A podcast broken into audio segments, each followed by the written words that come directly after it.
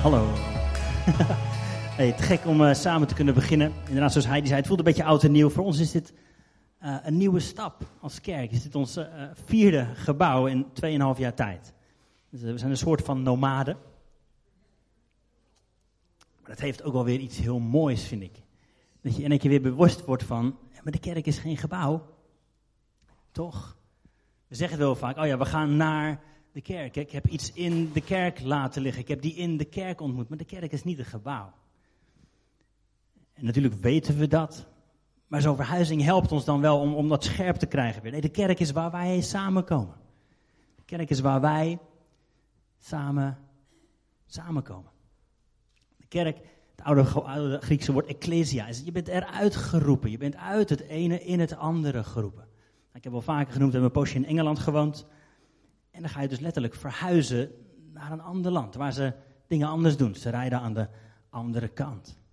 Ze praten een andere taal, ze hebben andere gewoontes. Ze vinden het moeilijk om met onze Dutch directness, met onze Nederlandse directheid om te gaan, bijvoorbeeld. Dus als je jezelf meeneemt naar een ander land, loop je tegen dingen aan, dan gaan dingen veranderen. Wij zelf zijn veranderd. Je moet ook wennen aan anderen gebruiken. Onze kinderen moesten wennen aan andere kleding, kostuums aan naar school. Van die mooie stropdasjes en jasjes en het ziet er grappig uit. Het is een ander land, andere cultuur. Jij en ik. Als we achter Jezus aangaan, zijn we ook verhuisd van het ene naar het andere land. We hebben de wereld achter ons gelaten. We gaan deel uitmaken van het koninkrijk van God. Het is anders. Dingen zijn anders. We zijn eruit geroepen. Nou, dat is wat kerk zijn is. We zijn eruit geroepen. En, nou, ik zei al, we bestaan nu 2,5 jaar, ons vierde gebouw. En niet geheel toevallig is een van onze kernwaarden als kerk is ook advancement, is, is ontwikkeling, is vooruitgang, is erop uitgaan, is veranderen. We hebben, we hebben onze kernwaarden een beetje gehangen aan vijf woorden. Honor, excellence, advancement, reaching out and togetherness. Mooie Engelse termen voor we willen God eren en we willen elkaar eren. Honor is belangrijk, daarom zijn we bij elkaar. Begonnen we mee, we zijn hier bij elkaar om Hem te ontmoeten, om Hem te eren. Dat willen we doen als kerk, als individu, maar ook als gemeenschap. We willen ook elkaar eren. Jij bent anders dan ik en dat is mooi. Hoe kan ik jou dienen? Hoe kan ik jou eren? We helpen elkaar vooruit. Daar zijn we voor. Excellence is ook een van onze kernwaarden. Excellence, nou, gewoon, gewoon goed, dingen goed doen. Als je iets doet, dan doe je niet, ja, het is voor de Heer, dus het maakt niet uit. Nee, omdat het voor de Heer is, doe je het goed. Dat is een van onze kernwaarden. Derde zei ik al, advancement, kom ik zo op terug. Reaching out. Reaching out, uitreiken, uitdelen wat je ontvangen hebt. Toen we in Engeland woonden hadden we regelmatig uh, curry clubs. Dat was erg leuk. Lekkere curry's eten in Engeland. Lekker India's eten met alleen maar mannen, pilsje erbij, gezellig praten. En uh, de tweede avond dat we zo'n uh, curryclub hadden, was één keer in de maand. De tweede avond had ik het allerlekkerste recept van de hele kaart ontdekt. Ik was heel enthousiast over, dus de volgende keer dat ik ging, wisten mijn mede-tafelgenoten niet zo goed wat ze moesten bestellen. Dus ik je moet dat bestellen, dat is het beste. Die is lekker, dit is het beste.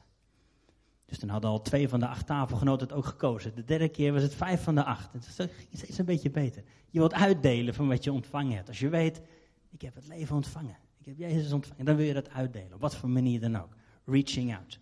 De laatste is togetherness. Ook een van onze kernwaarden als Connect Kerk. We willen dingen samen doen. We zijn niet geroepen om als eilandjes te leven. We zijn niet geroepen om alleen maar individueel ons leven te leven. Natuurlijk is jouw persoonlijke relatie met God belangrijk, maar laten we het samen doen. En ik begon hiermee omdat advancement, ontwikkeling, vooruitgang, in beweging blijven, is een van onze kernwaarden. Toen we 2,5 jaar geleden begonnen, stonden we daar bovenaan in een klein zaaltje in Cultura. Om twee voor half te kijken of er nog überhaupt iemand zou komen vanavond. Anders gingen we toch maar gewoon door of zo.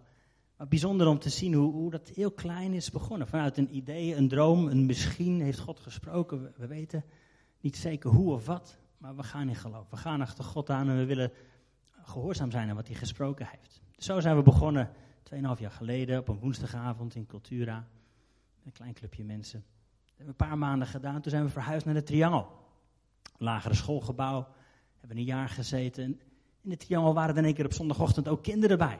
Het is gewoon 50% van ons was kind. Fantastisch. Dus in één keer waren er heel veel kinderwerkers die opstonden en die de schouders eronder gezet hebben. En die onze kinderen willen zegenen. Fantastisch om te zien. Dat is een jaartje doorontwikkeld. Vorig jaar zaten we in het kernhuis. Een iets groter gebouw, iets nieuwer gebouw, iets mooier.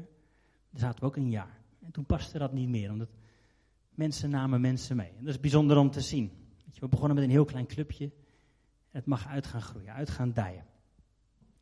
We blijven in beweging, we blijven achter Jezus aangaan. Net zoals Paulus dat noemt, we hebben net de Olympische Spelen gehad. We zijn bezig aan een marathon. We hebben niet één keer een beslissing genomen.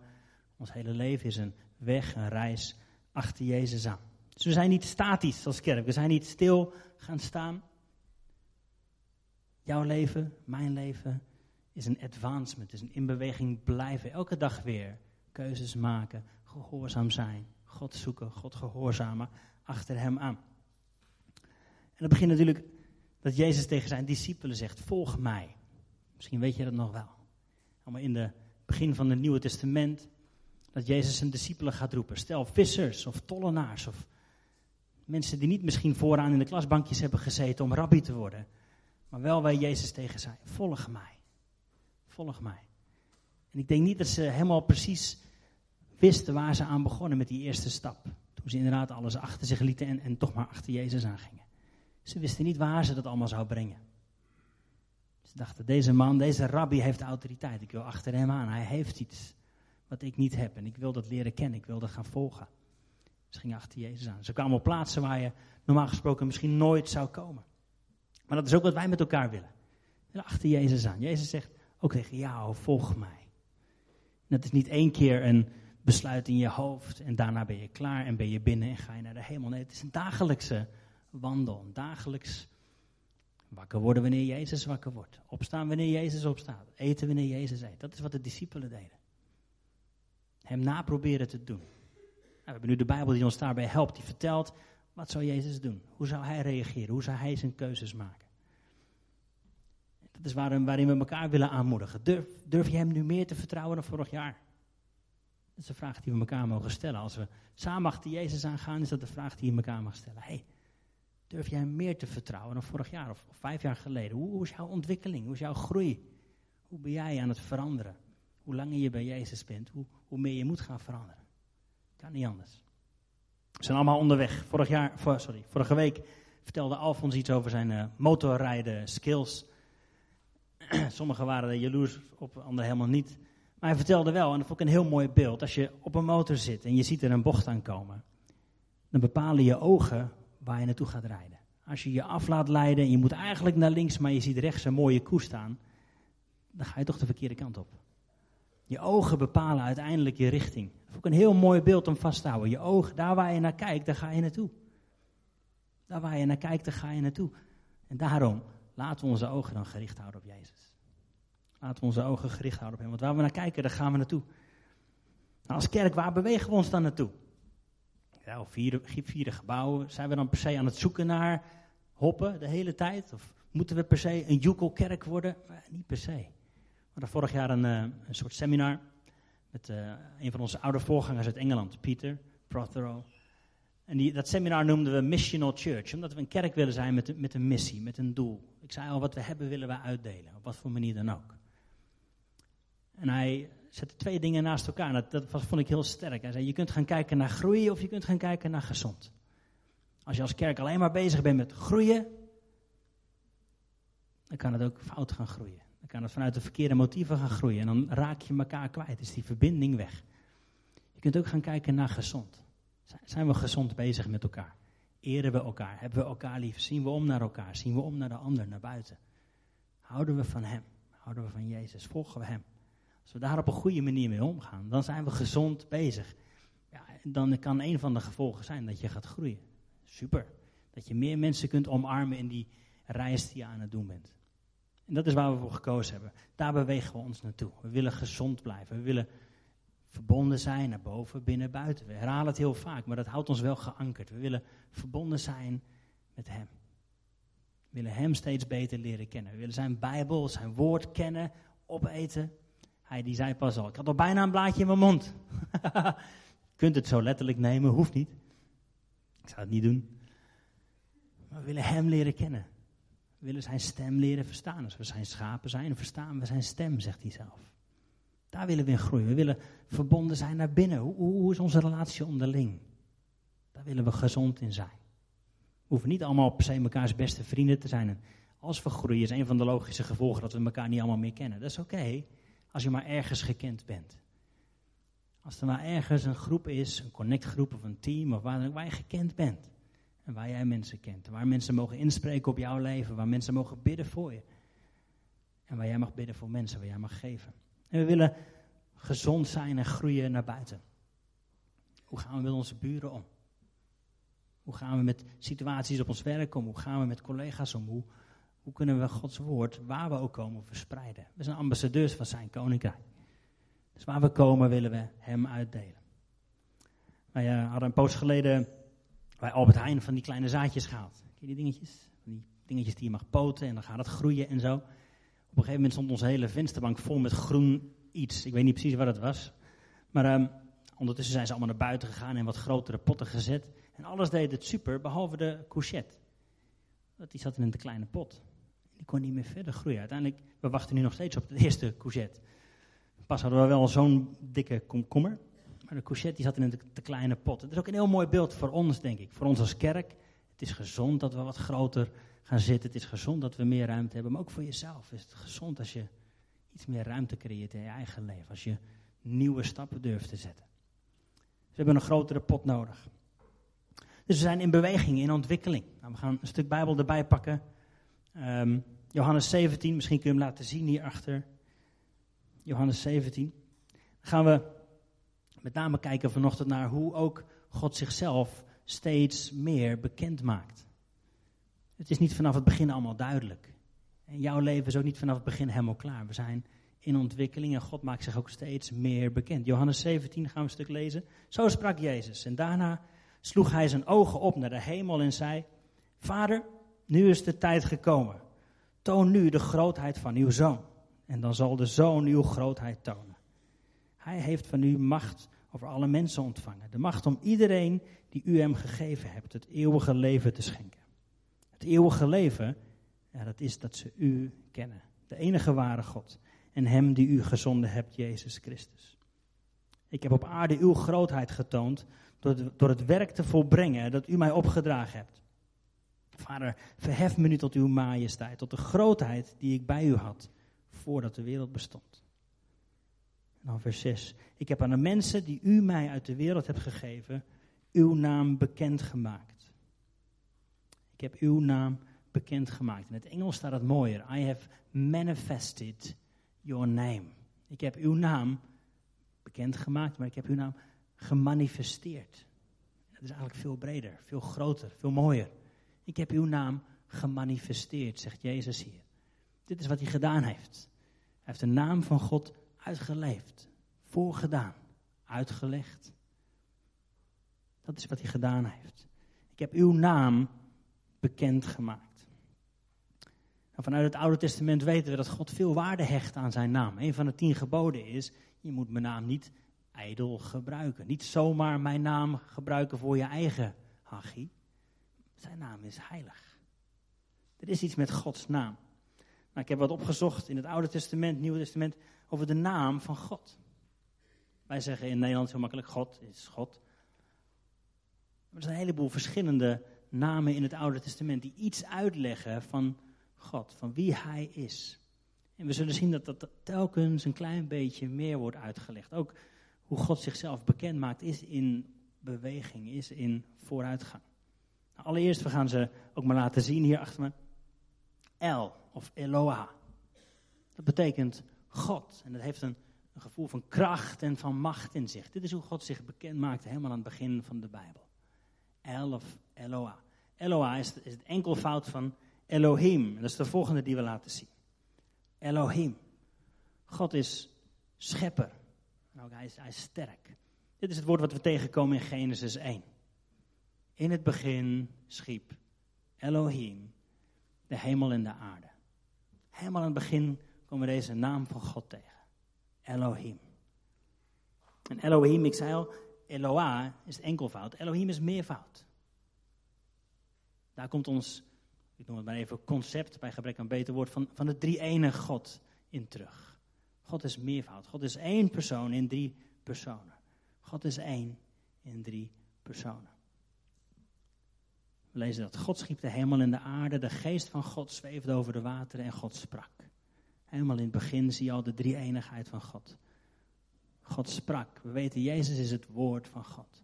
De geest van God zweeft over de water. Elohim, drie-enig God. Dat is een andere naam van God, hoe hij zich bekend maakt. En dan El Shaddai. El Shaddai is nog een naam van God. El Shaddai, dat betekent God, almachtig. El was God, almachtig is Shaddai. El Shaddai. Dit is hoe hij zich aan Abraham bekend maakte. Genesis 17 kun je het nalezen. El Shaddai. Het is een verbondsnaam. Dit is de naam die hij gebruikt om een verbond met Abraham te sluiten. Een verbond is eigenlijk een officieel gemaakte verbinding, connectie. De naam die hij gebruikt om zijn verbond, zijn afspraak voor de eeuwigheid te maken met Abraham. Ik zal jouw God zijn en jij zult mijn volk zijn. Deze naam gaf hij ook door aan, aan Isaac en aan Jacob. Zij kenden God als El Shaddai. Hun Heer was El Shaddai. El Shaddai is de God van Abraham, Isaac en Jacob. Dat is ook hoe later in Egypte zij alleen maar God kenden.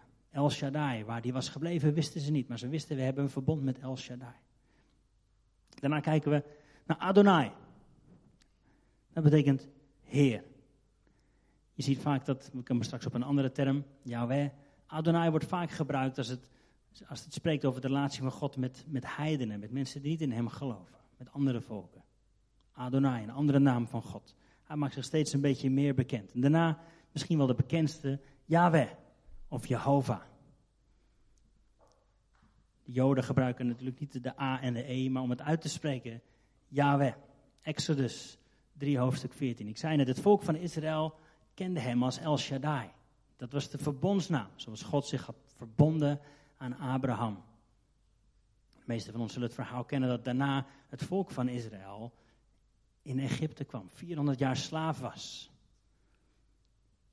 En dan verschijnt God aan Mozes en hij zegt: Ik heb mijn volk gezien, ik wil dat jij ze gaat bevrijden. Ja, maar wie bent u dan? Ik ben Yahweh. Is dat dan dezelfde als El Shaddai? Ja, ben dezelfde, maar met mijn naam heb ik me niet bekendgemaakt toen. God maakt zich een beetje opnieuw bekend. Een nieuw, nieuw concept, een nieuwe, nieuwe naam, een nieuwe invalshoek, een nieuwe waarheid over wie God is. Yahweh. En het betekent zoiets als ik, ben die ik ben, of ik ben er, of ik ben Yahweh. Altijd daar, eeuwig overal, de altijd aanwezige. Dit is hoe God zich toen bekend maakte. Lezen we wat verder. Genesis 22. Yahweh Jireh. Weer een andere naam. De God die voorziet.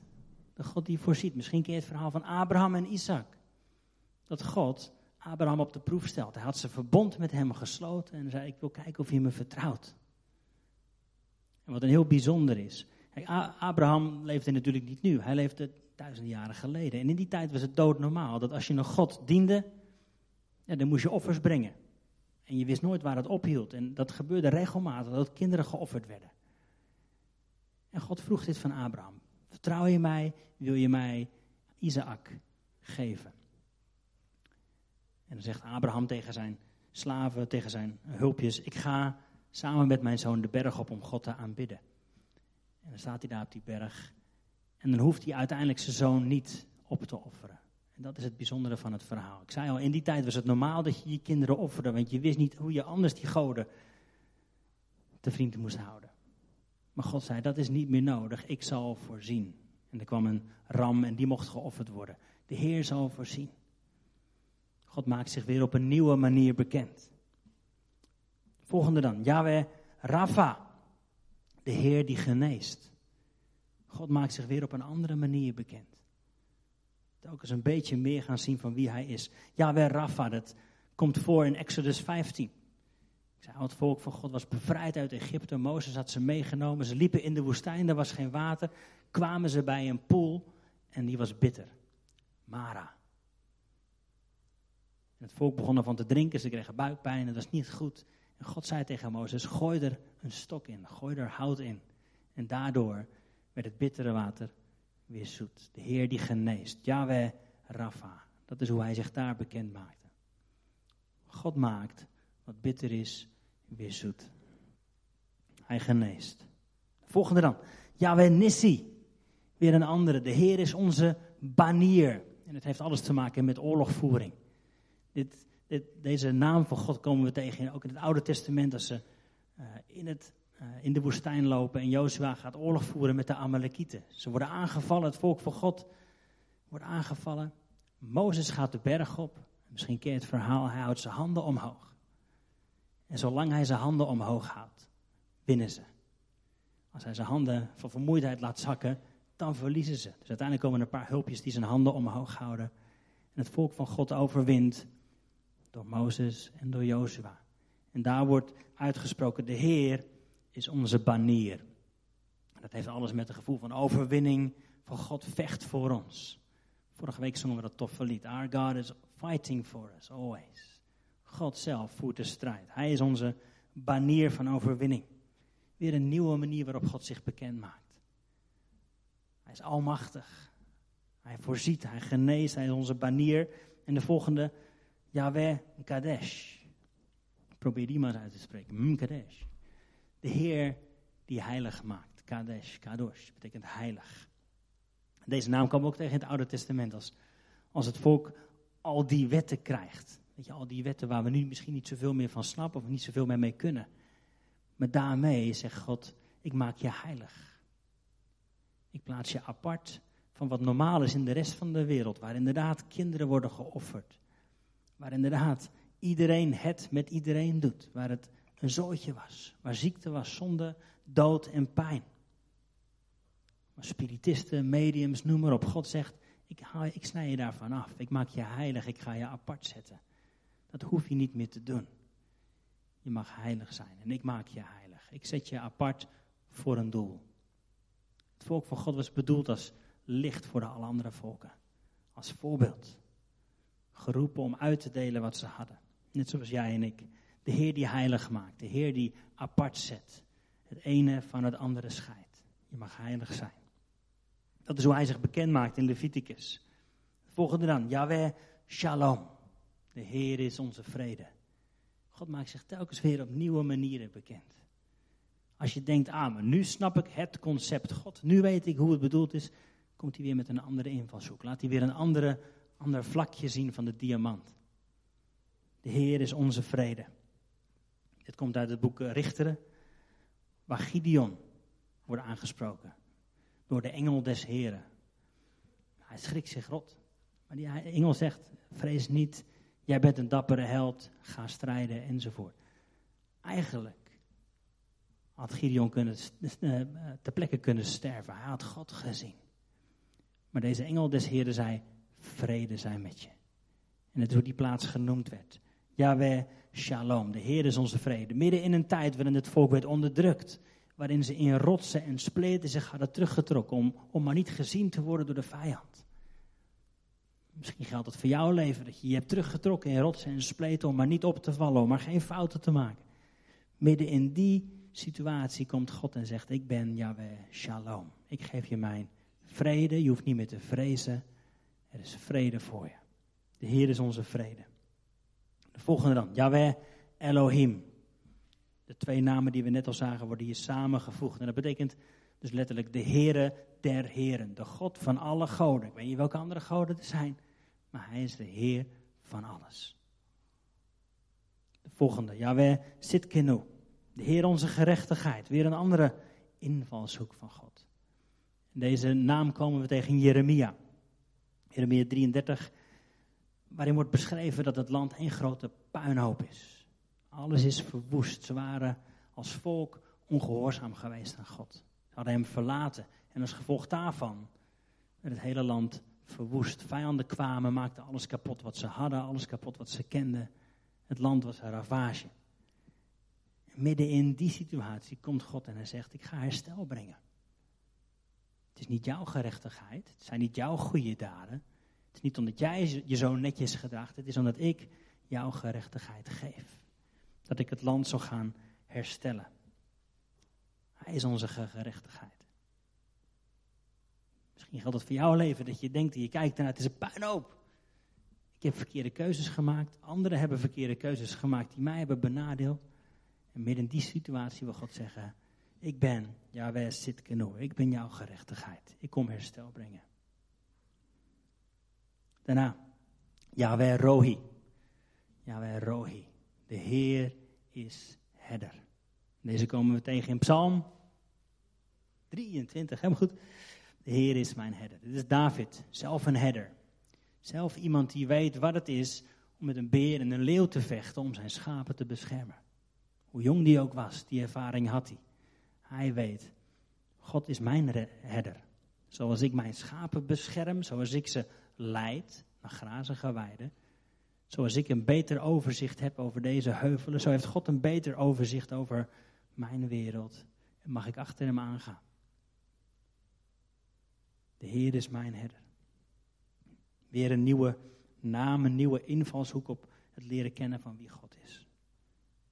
Daarna Yahweh Shammah. Yahweh Shammah. De Heer is hier. Dat is een hele mooie. Het is de laatste zin van het boek Ezekiel. Als je het boek Ezekiel hebt gelezen en je snapt het helemaal, kom dan even naar me toe. Maar deze zin is wel heel mooi. Dit gaat ook over het herstel en eigenlijk het bouwen van de nieuwe stad. De stad van God. Aan het eind van de tijden gaan we niet met z'n allen naar de hemel, maar komt hemel op aarde. En Ezekiel schrijft heel mooi en dit heet Yahweh Shama. De stad waar God is, waar God zelf zal zijn. Waar die altijd zal zijn. En het is mooi om regelmatig tegen elkaar te zeggen. Hij is er. Natuurlijk, hij is daar tot in eeuwigheid, maar ook vandaag is hij Yahweh Shama. Is hij de God die er zal zijn. De Heer die er is. Veel namen, hè? Ik heb er maar drie.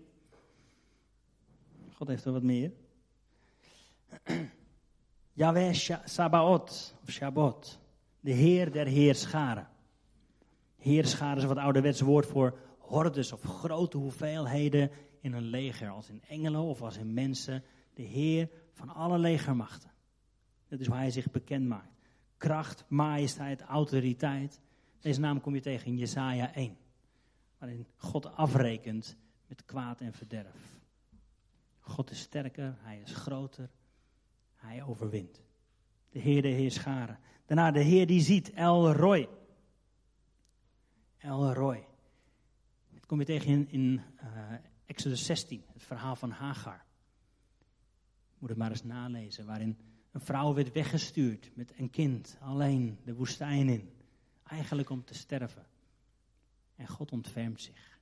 En zij weet, God ziet mij. Ook al hebben anderen mij afgewezen, kom, hoor ik er niet bij. God ziet mij en zorgt voor mij. En gaf wat ze nodig had. We zijn er bijna. El Olam, de eeuwige God, komen we tegen in Psalm 20. Of, eh, sorry, 90. Psalm van Mozes. De eeuwige God. Van eeuwigheid tot eeuwigheid bent u Heer voelt heel veilig, vind ik. Als je dat weet. Hij was er altijd, hij zal er altijd zijn. Van eeuwigheid tot eeuwigheid. De eeuwige God. Soms denken we dat de hele tijd om ons draait. Maar God was er altijd al. Hij is ook na ons. En de laatste voor nu, El Gibor, de machtige God. Deze komen we tegen in Jesaja 9, waarin staat, ons is een kind geboren. Het is nog geen kerst, maar toch. Ons is een kind geboren en zijn naam zal zijn wonderbare raadsman, machtige God, eeuwige vader, vrede en aan zijn heerschappij komt geen einde. Dat machtige God, dat is El Gibor. Het hele stuk in Jesaja 9 gaat erover dat het juk wordt verbroken. Mensen worden onderdrukt. Door andere volken, door omstandigheden, door keuzes die ze zelf hebben gemaakt of die ze over hen zijn gemaakt. Maar dat juk wordt verbroken, de tegenstander wordt vermorzeld. Want er is een kind geboren. Het wijst natuurlijk naar Jezus. El Gibor, die machtige God, wijst naar Jezus. En daarom lezen we in Filippenzen 2, misschien kunnen we die samen lezen. Een heel mooi stuk. Waarin we worden opgeroepen, laat onder u die gezindheid heersen die Christus Jezus had. Hij die de gestalte van God had, hield zijn gelijkheid aan God niet vast, maar hij deed er afstand van en werd een slaaf en gelijk aan een mens. En als mens verschenen heeft hij zich vernederd.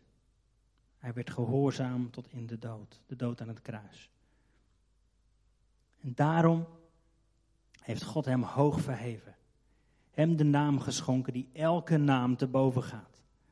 Opdat in de naam van Jezus elke knie zich zal buigen. In de hemel, op aarde, onder de aarde. Elke tong zal beleiden. Jezus Christus is Heer. Tot eer van God de Vader. Aan het begin lazen we dat Jezus zegt: Ik heb uw naam bekendgemaakt. Ik heb uw naam gemanifesteerd.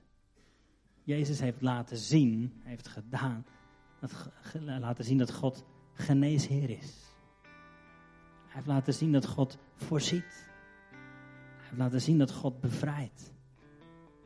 Dat God geneest, herstelt, heel maakt wat kapot maakt, zoet maakt wat bitter was. Dat is wat, wat Jezus heeft gedaan. En daarom in Hem, in Zijn naam, zijn al die namen van God bij elkaar gekomen. Jezus, naam boven alle namen. En dat is de Jezus die tegen jou en mij zegt: Volg mij. Kom achter mij aan. Durf je me vandaag een beetje meer te vertrouwen dan gisteren? Ken je me nu een beetje beter? Heb je deze invalshoek al eens gezien? Heb je inderdaad gezien dat ik voorziener ben? Heb het wel eerder gezegd, in onze tijd in Engeland was het best heel spannend, regelmatig. Juist voor financiën bijvoorbeeld. En dat is een kant die we eigenlijk nog niet zo goed kenden van God. We hadden altijd wel geld, er was werk en er was een huis, dat was allemaal prima. Tot God ons riep. Tot Jezus eigenlijk letterlijk tegen ons zei: Volg mij, neem deze stap en kijk hoe het gaat. We kwamen daar in een vreemd land en eigenlijk zonder geld. En dan pas zie je dus dat in de naam van Jezus God voorziet. Ik weet niet in welke omstandigheid jij zit. Misschien is er bitterheid. Misschien is er verbrokenheid. Misschien is er een juk. Maar in de naam van Jezus. De naam boven alle namen. Is aanwezig wat jij nodig hebt vandaag. Volg je Hem. Durf je te geven aan Hem. Durf je los te laten. Durf je dingen met open handen aan Hem te geven. Hij stelt niet teleur. Hij is de God die er altijd zal zijn. Hij is je herder. Volg Jezus. En dat willen we doen als kerk. Daarom wil ik jou aanmoedigen. Volg hem een beetje meer.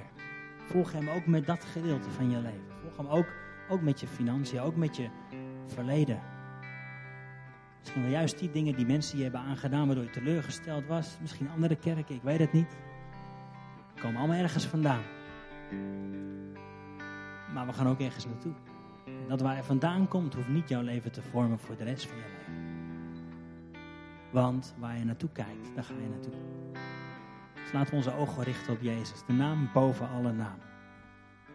dat gaan we doen als Connect Kerk. Willen we steeds meer verbonden zijn met die naam. We willen ons verbond vinden in die naam. Het nieuwe verbond van Jezus. Doordat Hij is gestorven en opgestaan. Zullen we gaan staan en wil ik graag met je bidden. Dan gaan we straks afsluiten met een lied.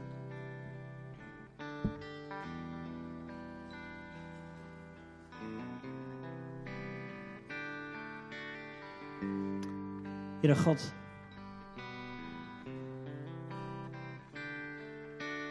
Dank u wel voor zoveel mooie namen en betekenissen. Manieren waarop u uzelf bekend maakt aan ons. Dank u wel, Heer Jezus, dat in uw naam u dit allemaal hebt gemanifesteerd en uitgeleefd. En ook vandaag dat u dat aan het doen bent in ons leven. In de naam van Jezus er genezing is, redding is, herstel is, voorziening is. In uw naam. Heer, we willen u beter leren kennen. We willen onze ogen op u richten in alle dingen die we doen, in alle dingen die we samen meemaken. In nu, nu we hier samen zijn in een gebouw, straks als we thuis zijn, morgen op school, op het werk, waar dan ook, in gesprek met mensen. Willen we u leren kennen, willen onze ogen op u gericht houden. U bent ons doel. U bent onze God. U bent eeuwige Vader, machtige God. En Heilige Geest, ik wil bidden dat u ons zo vult. Als we straks hier weer vandaan gaan, vul ons. Zodat we Jezus beter kunnen volgen. Zodat we Hem beter leren vertrouwen. Heer, genees ons, herstel ons. Kom met olie, zalfolie van genezing, waar we dat nodig hebben. Lichamelijk of geestelijk of in onze gedachten. Zodat we Jezus beter gaan zien zoals Hij is. U, houdt van ons. U bent voor ons, u bent met ons. U bent onze herder. We willen u vertrouwen, we willen achter u aan. Willen in beweging blijven achter u aan, Jezus.